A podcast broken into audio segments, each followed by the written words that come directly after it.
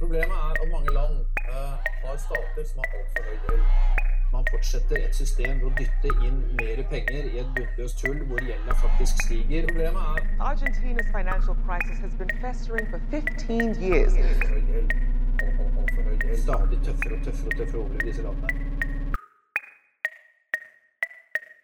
Du hører på Gjeldsbrevet, podkasten til Slugg, nettverk for rettferdig gjeldspolitikk. Jeg er Karoline Arnesen, Og jeg er Kristoffer Jacobsen. og i dag Kristoffer, så lurer jeg på om du kanskje husker denne godbiten av en låt.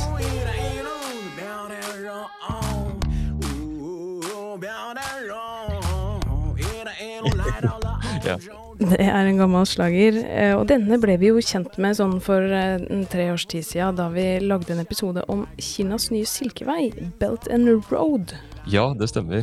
Ja, og da Den episoden handla jo ganske mye om eh, Kinas tilstedeværelse i Zambia. Og da var vi litt urolig for om det var kontroll på lånene i Zambia, og om det lå an til en svært lite bærekraftig gjeldsbyrde. Det var lite åpenhet om gjelda, og spesielt de kinesiske lånene til landet var sånn private, halvprivate og statlige lån blanda sammen i en såkalt uoversiktlig suppe, som Hans Jørgen Gåsemyr, eh, seniorforsker på NUPI, kalte det. Ja, det var litt av et utgangspunkt før covid traff, da. Eh, ja, for da gikk jo alt til helvete. Eh, nei da, eller jo, på en måte. Fordi da hele verdensøkonomien bremsa opp i 2020, så fikk jo Zambia, som et råvareproduserende land og med stor turistnæring, eh, de fikk store problemer med handelsbalansen sin, og Zambia var faktisk det første landet som ikke klarte å betale lånene sine under pandemien, og gikk per def konkurs. Selv om land egentlig ikke kan gå konkurs. Nei, det kan de jo ikke. De kan jo bare gå tom for penger og gå til kreditorene sine og be om å reforhandle gjelda. Og til IMF f.eks. og be om kriselån. Og det har Zambia gjort. Ja. Men så har det skjedd litt flere ting i mellomtida. Blant annet et regjeringsskifte. Men eller egentlig, la oss bare spille av litt av den praten vi hadde med Falk. Eh, Falk Tøyen. Han er styremedlem i Fellesrådet for Afrika og kjenner Zambia godt.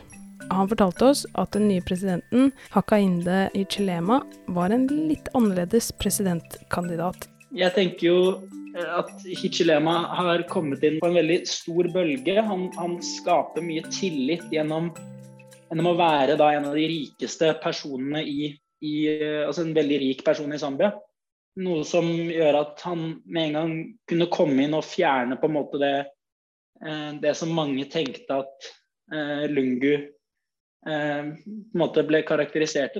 Edgar Lungu var den sittende presidenten, en som har fått mye kritikk for å slippe kineserne litt for langt inn og låne langt over evne. Den kinesiske tilstedeværelsen i, i Lusaka og i, i Zambia mener jeg, er, en, er en, en faktor som også man må ta med inn i dette bildet. Da. Ok. Men med ny president og nye takter så skulle man jo kanskje tenke seg at dette gikk den rette veien. Han lovte jo å beskytte barn og unge i kuttpolitikken sin. Men der er det et men. ja, det er alltid men. For Zambia hadde jo en gjeld på over 120% av BNP, og skyldte over 17 milliarder dollar til eksterne kreditorer. Så altså, det måtte jo kuttes, eller det må fortsatt kuttes.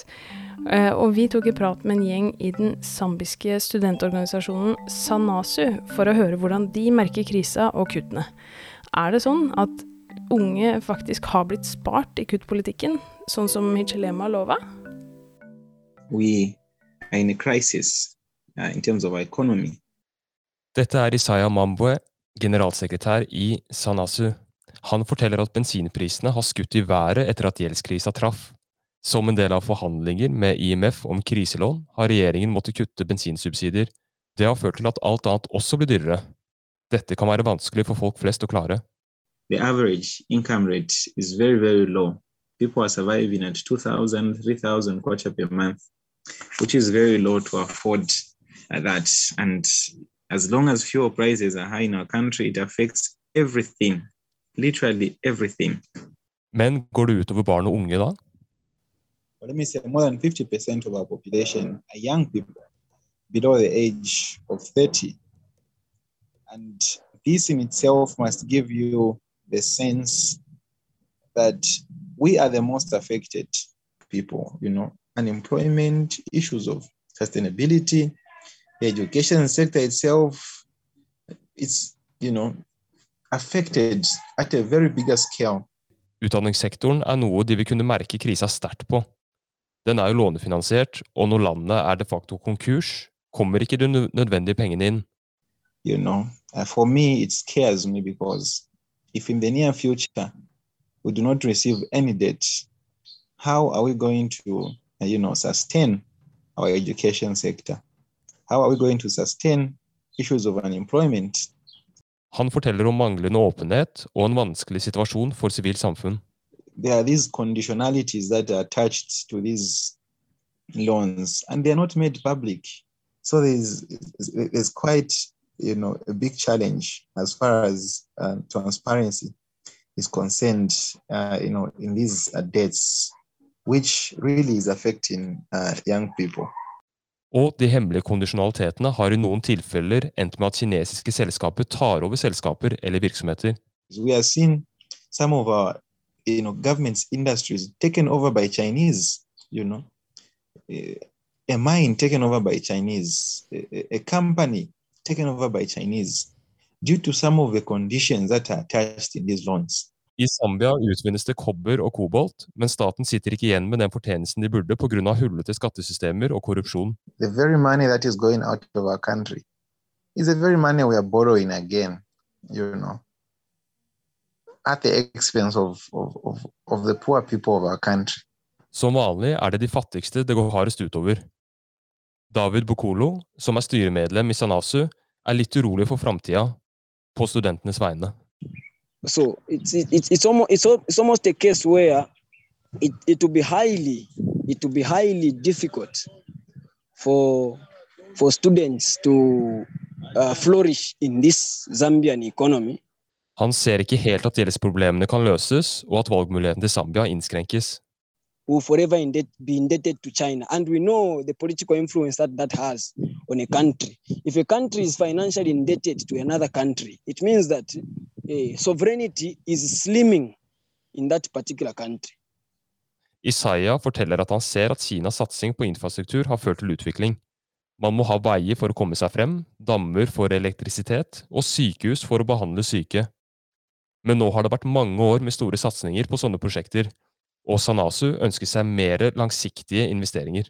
So if we can begin as a country to look into boosting other sectors such as agriculture, other sectors such as also you know empowerment of young people. Styremedlem Kauma Kauma holder på håpet enn så lenge.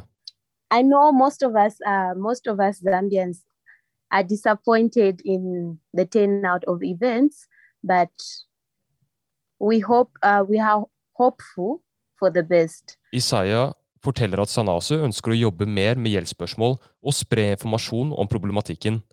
De vil også presse politikere for mer åpenhet. Uh, you know, begin to show transparency around issues of, of, of debt because uh, these are uh, very sensitive issues that are affecting all of us as a country.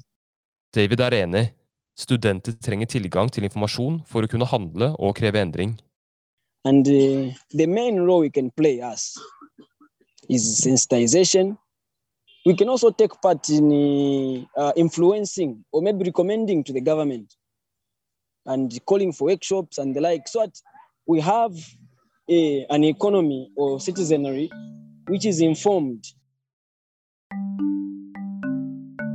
Hichilema klarte ganske raskt etter at han overtok makta å få på plass en avtale med IMF om en bailout på 1,4 milliarder dollar for å få økonomien opp og gå igjen. Men for at den skal gå gjennom, så må Zambia få gjelda si ned på et bærekraftig nivå. En tredel av gjelda er kinesiske lån, og Kina har historisk sett ikke vært så greie å ha med å gjøre i sånne forhandlinger. De pleier bare å gi betalingsutsettelser, ikke å slette noe særlig gjeld. Og Zambias finansminister setter hardt mot hardt, og sier at de kinesiske långiverne må regne med å slette noe for å komme videre. Ok, så kineserne har vært en stor brems i prosessen, men så er systemet vi har for å forhandle med kreditorer generelt ikke akkurat raskt heller. I november 2020 etablerte de største økonomiene i verden, kalt G20, noe som heter Common Framework for Debt Treatments, som vi bare kaller Common Framework. Dette skal være et rammeverk for reforhandling av statlig gjeld. Men rammeverket er lite konkret, styrt av kreditorinteresser, og hovedkritikken mot det har vært at det er veldig treigt. Når landet i krise søker om å reforhandle sin statlige gjeld gjennom rammeverket, så er første steg å etablere en komité bestående av landets viktigste kreditorer. Ved årsskiftet 21-22 hadde fortsatt ikke Zambia fått satt noen komité, selv om de har vært i krise siden 2020. Men nå i våres har det skjedd litt store ting. Ja, eller vi vet jo ikke helt, da. Men nå er det jo sånn at verden følger litt spent med. Eller i hvert fall gjeldstyggende land med stor gjeld til Kina, og gjeldsnerder eh, sånn som oss. Vi følger med. Ja, det gjør vi. For nå har nemlig Zambia fått komiteen sin, og det er Kina og Frankrike som leder samtalene. Kina er med på laget, sier Hichilema. Men akkurat hva det betyr, det veit vi ikke. Og grunnen til at det er så mange andre land som følger spent med, er fordi Kina kanskje vil sette presedens i disse forhandlingene med Zambia. Hva hvis de ettergir masse gjeld nå, Betyr det at de vil gjøre det samme for andre land i krise som må forhandle med Kina? Som vi husker fra Belton Road-episoden, og om du ikke husker det, anbefaler vi at du går tilbake og lytter til den.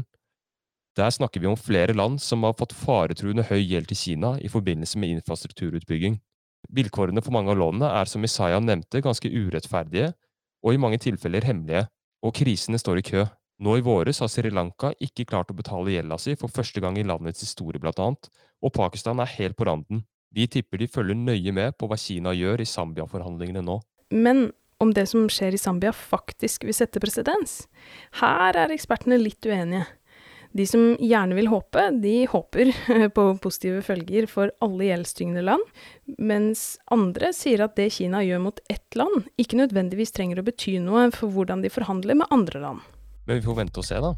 Ja, og vi lover, dere kommer til å bli oppdatert i gjeldsbrevet på slug.no og på Slug sin Instagram at slettgjelda. Så abonner på Gjeldsbrevet der du hører på podkast, og følg Slug overalt, folkens.